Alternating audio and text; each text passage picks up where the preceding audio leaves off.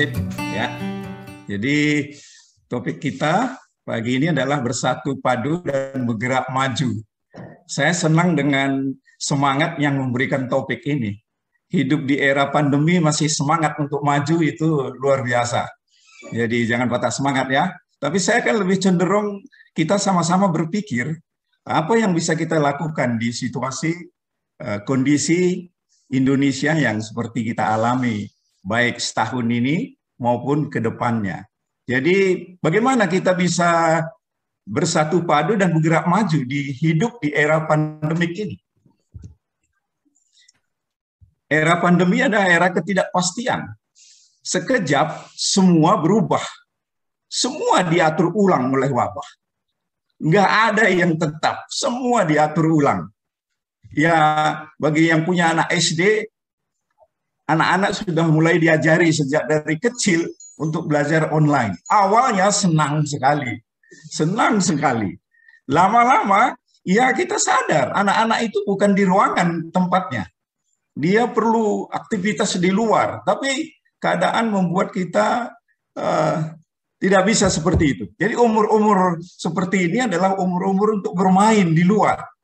Ini yang dialami oleh anak-anak kita, ya dan yang punya anak uh, eh, SD, SMP, SMA mungkin merasakan itu. Dan akhirnya kita lihat bahwa kejenuhan itu luar biasa menerpa generasi anak-anak kita.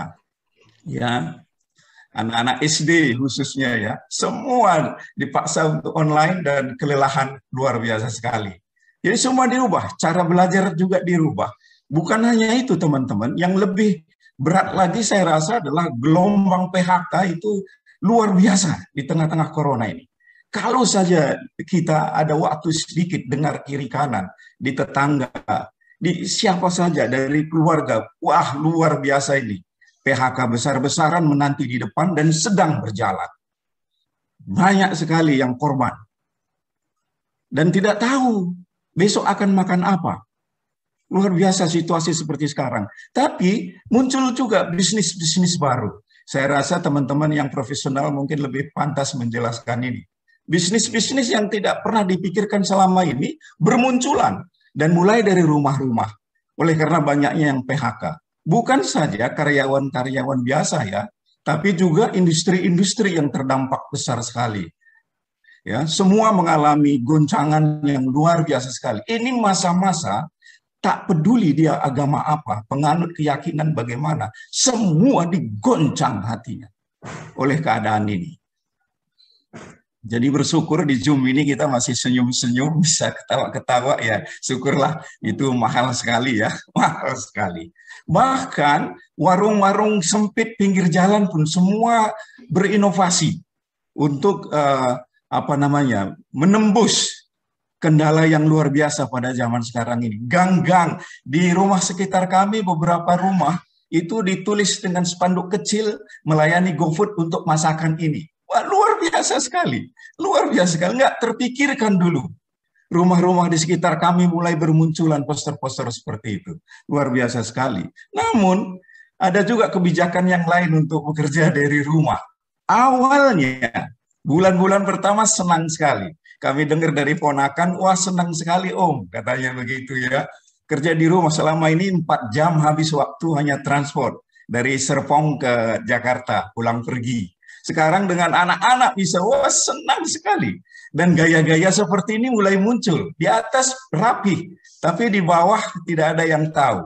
Jadi hidup dengan sederhana dituntut untuk ya yang penting dilihat orang rapi. Ya di bawah apa ya? Masa kita pakai celana panjang dan segala macam dalam ini? Maaf saya juga celana pendek ini. Pendek sekali supaya agak dingin.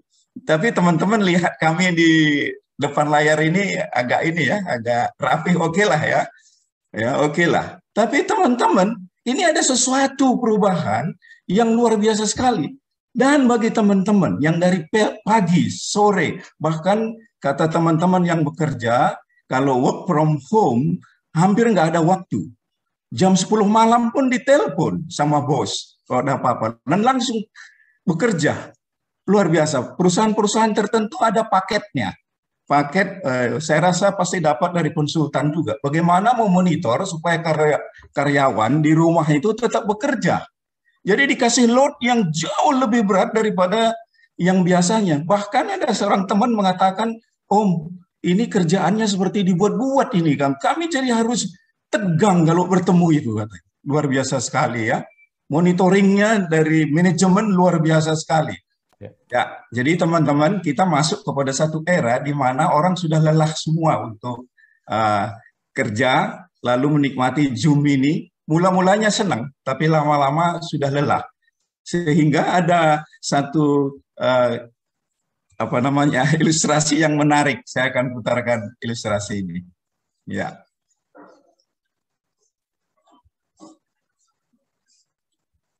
Iya, jadi ada teman mengatakan bahwa kalau rapat di kantor, dia hidupkan suaranya, matikan videonya, lalu dia tinggal tidur. Nanti begitu giliran dia, dia bangun lagi.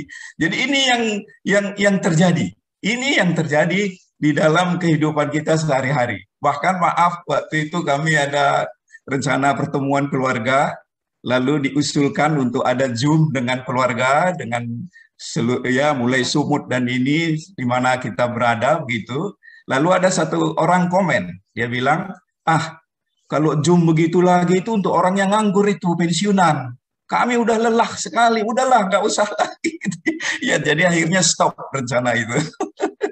jadi kami menyadari bahwa ini capek sekali bagi teman-teman yang dari pagi sampai nggak kenal waktu untuk terus Zoom ya. Tapi ya begitulah hidup kita. Ya, mudah-mudahan kalau teman-teman karena lelah lalu suaranya aja didengar suara saya lalu istirahat silahkan loh nggak nggak ada masalah silahkan aja kami sadar betul. Jangan gara-gara saya ngomong berusaha tampil muka. Eh, nggak nggak ada nggak perlu.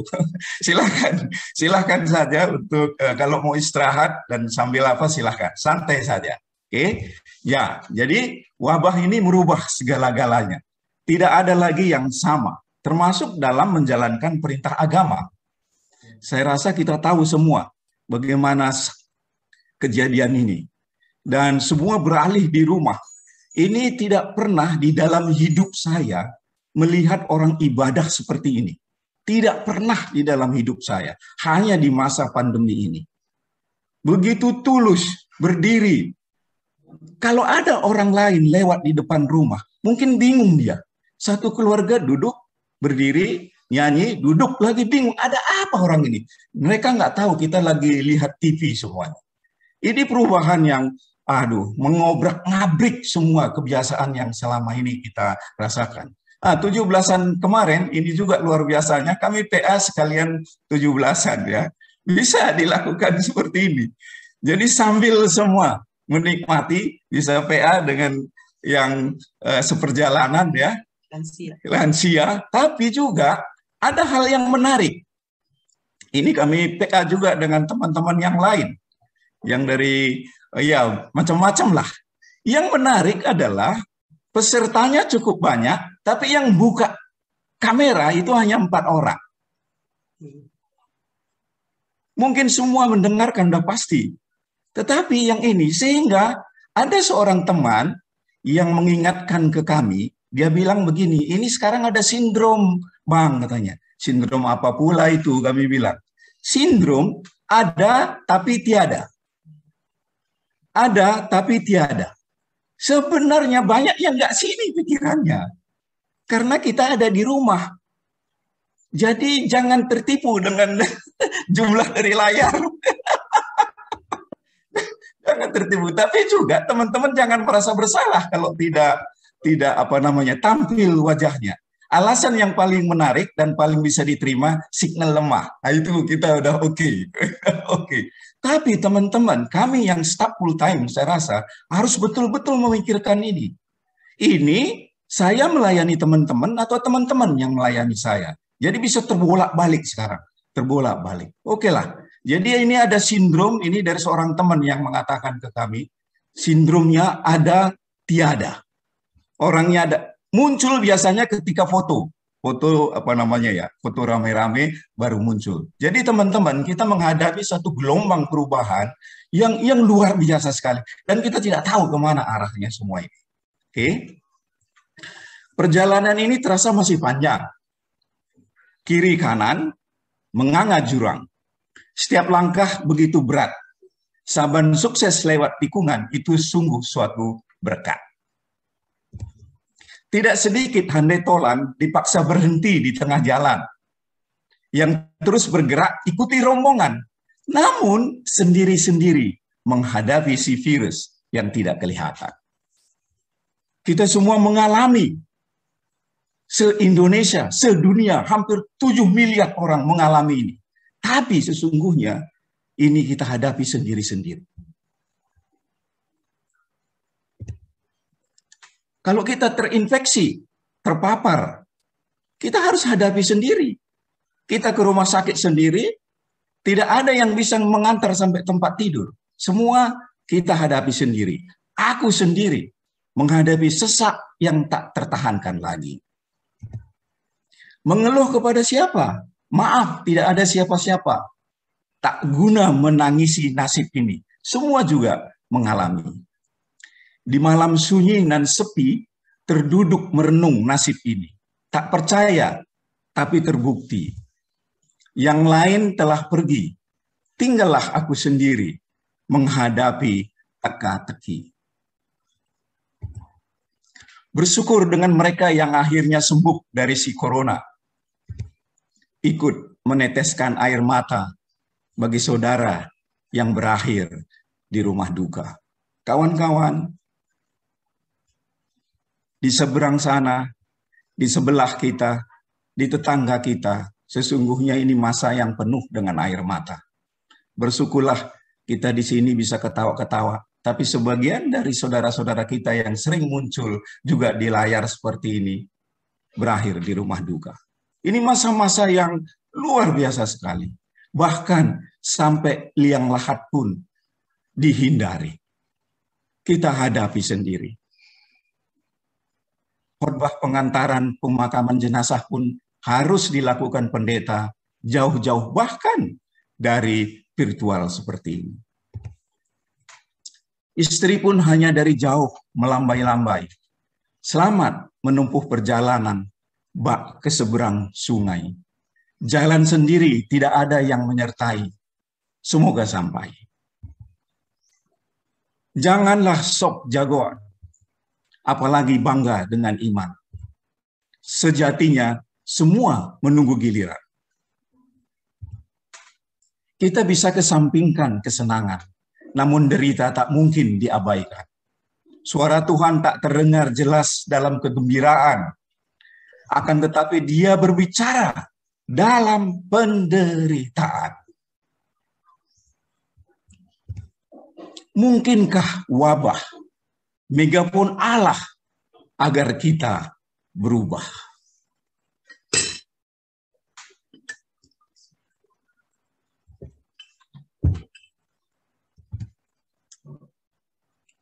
Mungkinkah dia tengah hendak bicara, menyampaikan pesan dalam nada duka, berita yang terbungkus rapat di balik semua petaka.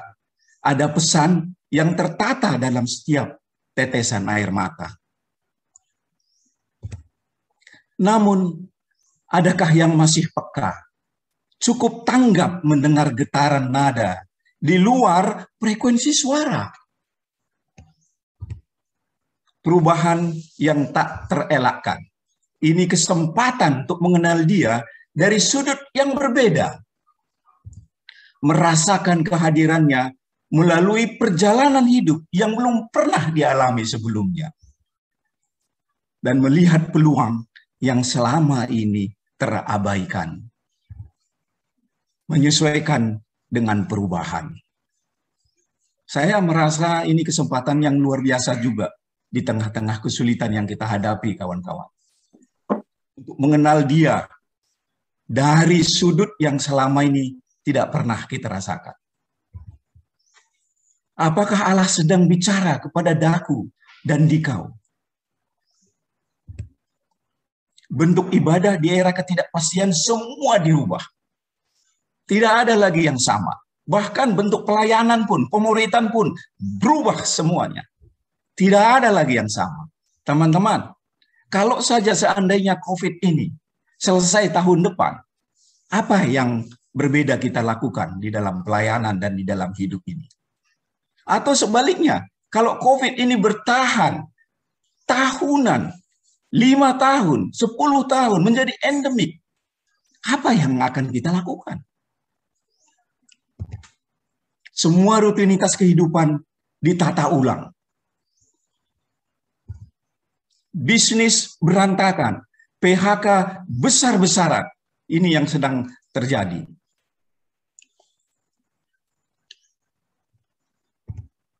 Apakah perkara yang menanti di depan? Kemungkinan suram lebih besar ya. Untuk bergerak maju.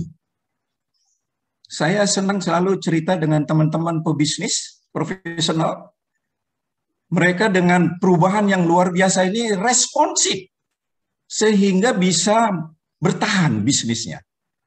Kita di pelayanan, bagaimana respon kita untuk kita bisa maju? Apakah bisnis as usual atau ada sesuatu yang Tuhan bicara kepada kita? Lalu inilah saya rasa pelayanan yang akan memberi pengharapan. Ataukah kita sore sendiri? Ini dia. Ini saya selalu bertanya ke diri saya. Apakah saya sore sendiri? atau ini memberi pengharapan kepada masyarakat, kepada lingkungan yang putus harapan. Saya senang dengan satu ayat ini, Yohanes 5 ayat 17. Tetapi ia berkata kepada mereka, Bapakku bekerja sampai sekarang, maka aku pun bekerja juga. Kawan-kawan, Kristus dan Sang Bapa ini lagi bekerja saat ini. Dia bekerja bukan meninggalkan gelanggang lalu menonton. Tidak, dia bekerja sekarang ini. Namun apakah saya bisa melihat dia? Apa yang dia kerjakan? Jadi pandemi mendorong untuk berpikir ulang, rethinking apa yang selama ini dikerjakan. Berubah dalam bidang apa pun harus kita sadar tidaklah mudah memang, apalagi sudah puluhan tahun.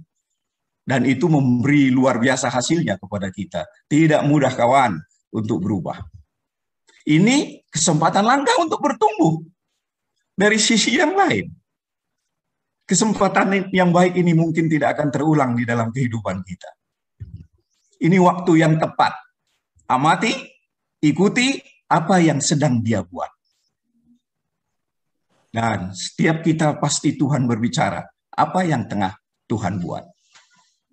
Di dalam bahasa sehari-hari, Yohanes 5 ini dikatakan begini, tetapi Yesus menjawab, Bapakku selalu melakukan hal-hal yang baik, dan aku mengikuti teladannya.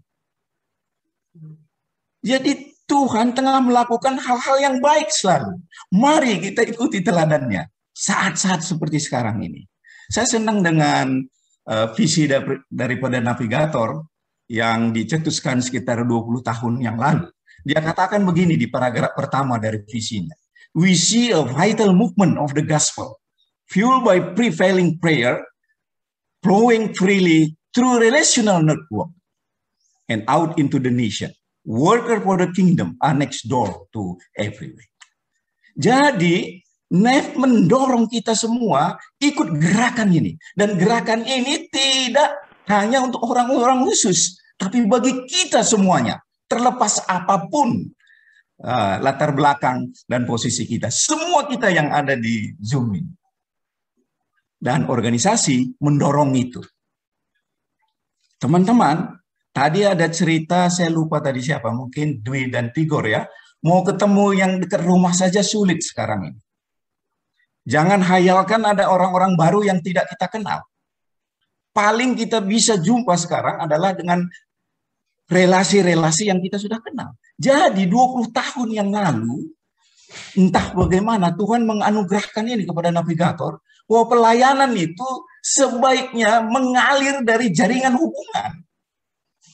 Dan sekarang ini itu terbukti, entah itu jaringan hubungan di antara uh, alumni, entah tetangga, teman-teman di kantor, di gereja, dan seterusnya, dan seterusnya. Jangan isolir orang dari lingkungannya sendiri, dari konteksnya sendiri. Dan dikatakan bahwa uh, tumpuan kita adalah ordinary people in many walk of life are joyfully leading integrated lives. Jadi kawan-kawan, kemajuan kita ini bertumpu kepada orang-orang kebanyakan, bukan orang-orang spesial. Orang-orang yang hidup nyata di tengah-tengah masyarakat, yang merasakan pahitnya hidup ini, yang merasakan apa artinya di PHK. Di situlah Tuhan bergerak melalui kehidupan orang-orang itu. Maaf ya, kalau kami start full time agak terlalu enak lah hidupnya saya rasa. Tapi kawan-kawan yang bekerja setengah mati, menyisihkan uang untuk menyokong kami. Teman-temanlah sebenarnya ujung tombak. Oleh karena itu dikatakan ordinary people ini adalah mereka yang dengan gembira, sukacita, hidupnya terintegrasi. Tidak ada lagi istilah ini pelayanan rohani, ini duniawi. Tidak ada kawan-kawan. Ini semua jadi satu. Pekerjaanmu adalah pelayananmu. Hidupmu itulah ibadahmu. 24 jam sehari, 7 hari dalam seminggu. Dengan demikian kita akan maju luar biasa sekali dalam situasi seperti sekarang. Ya kalau kami, pekerjaan kami ya melayani yang melayani ini dianggap pekerjaan rohani. Jadi kami memberi image yang uh, kurang lengkap. Teman-temanlah yang di lapangan jadi contoh yang paling baik. Kami pemain di belakang layar saja. Oke. Jadi untuk bergerak maju, kita perlu bahwa pelayanan itu terintegrasi dengan kehidupan. Bukan kotak-kotak, tapi terintegrasi. Karena tidaklah sia-sia Tuhan melahirkan kita di mana, menuntun kita kuliah di mana, dan lalu menolong kita bekerja di mana. Tidak sia-sia itu kawan-kawan. Kabar baik mengalir dari interaksi di jaringan alamiah. Dan gerakan maju ini bertumpu kepada ordinary people, orang-orang kebanyakan. Mari bersatu padu, sepakat untuk konsep ini. Oleh karena fokus kita adalah kepada orang, bukan kepada kegiatan. Ah, ini yang paling penting supaya kita bersatu padu. Fokus kepada orang, bukan kegiatan. Organisasi mendorong gerakan. Bukan sebaliknya, kawan-kawan. Oke, waktu saya tinggal mungkin sedikit, saya singkat aja. Jadi kita tadi sudah melihat visi kita yang besar di navigator ini. Dan sekarang kita lihat kondisi pandemi. Dan Tuhan katakan dia bekerja. Saya ingin menerapkan penerapan praktisnya dari statement dari Paul McCartney. Nah, mudah-mudahan tahu Paul McCartney itu ya pemain The Beatles. Dia katakan begini, think globally, act locally.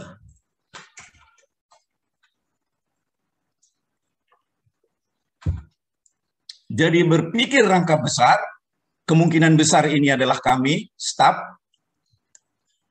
Tapi kita melakukan sesuatu yang di mana kita berada. Jangan ngambang, membumi. Itu lebih cocok.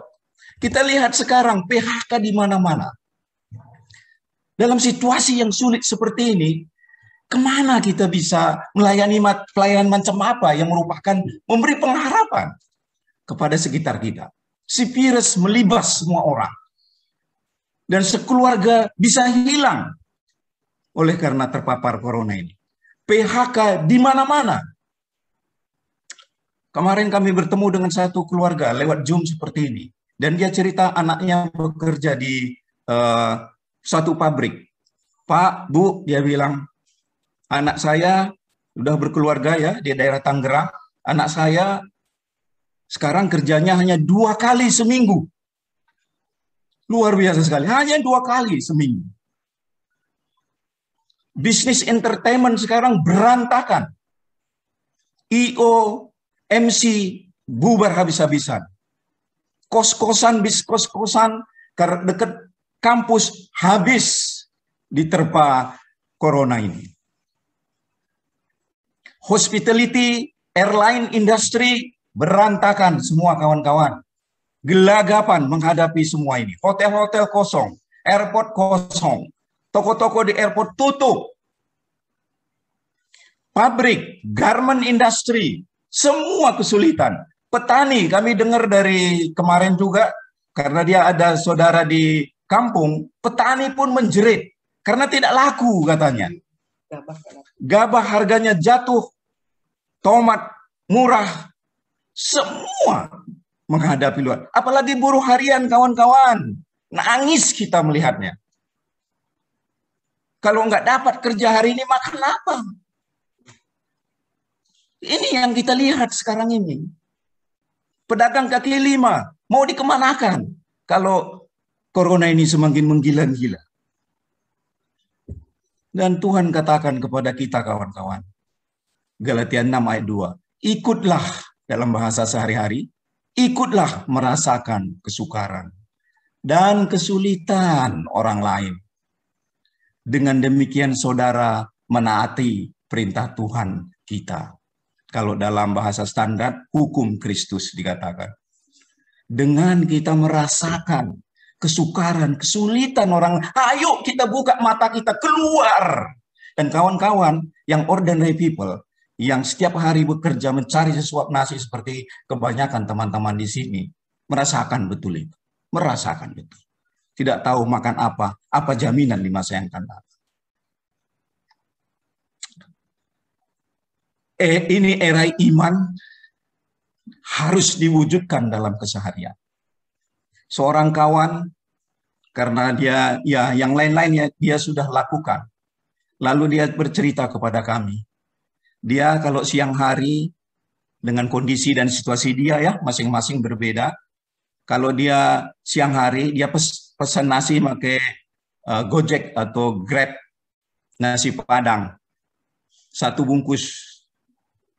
Setelah dipesan, driver nelpon, sudah sudah mau diantar alamat gini segala macam. Lalu kawan kita bilang, sudah itu untuk makan siang Bapak saja.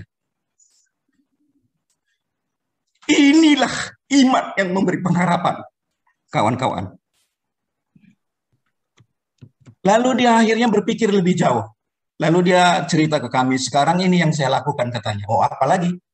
Jadi dia beli beras 5 kilo, Indomie, dan mungkin minyak.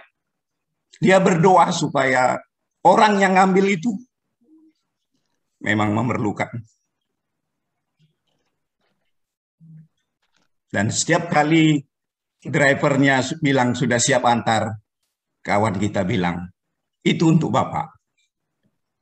Harapan dari teman ini paling nggak seminggu dia ada nasi dengan keluarganya. Kawan-kawan, inilah pelayanan yang memberi pengharapan. Ayo iman di bumi kan sekarang Jangan kita buat lagi yang lain yang tidak membumi. Di mana Tuhan tengah bicara kepada kita sekarang ini. Oke, maaf saya sedikit emosi. Karena memang dalam konteks kita sudah banyak yang melakukan ini. Kami juga tidak habis-habis melakukan ini. Memang tidak perlu ditunjukkan ke siapa pun. Mari kita lakukan itu. Sembunyi-sembunyi apa yang dilakukan oleh tangan kanan, jangan dilihat oleh tangan kiri. Dan mungkin juga teman-teman kita yang di Zoom ini mengalami kesulitan yang sama. Tapi karena kita asik dengan Zoom ini, kita tidak tahu dia pakai celana pendek atau celana panjang.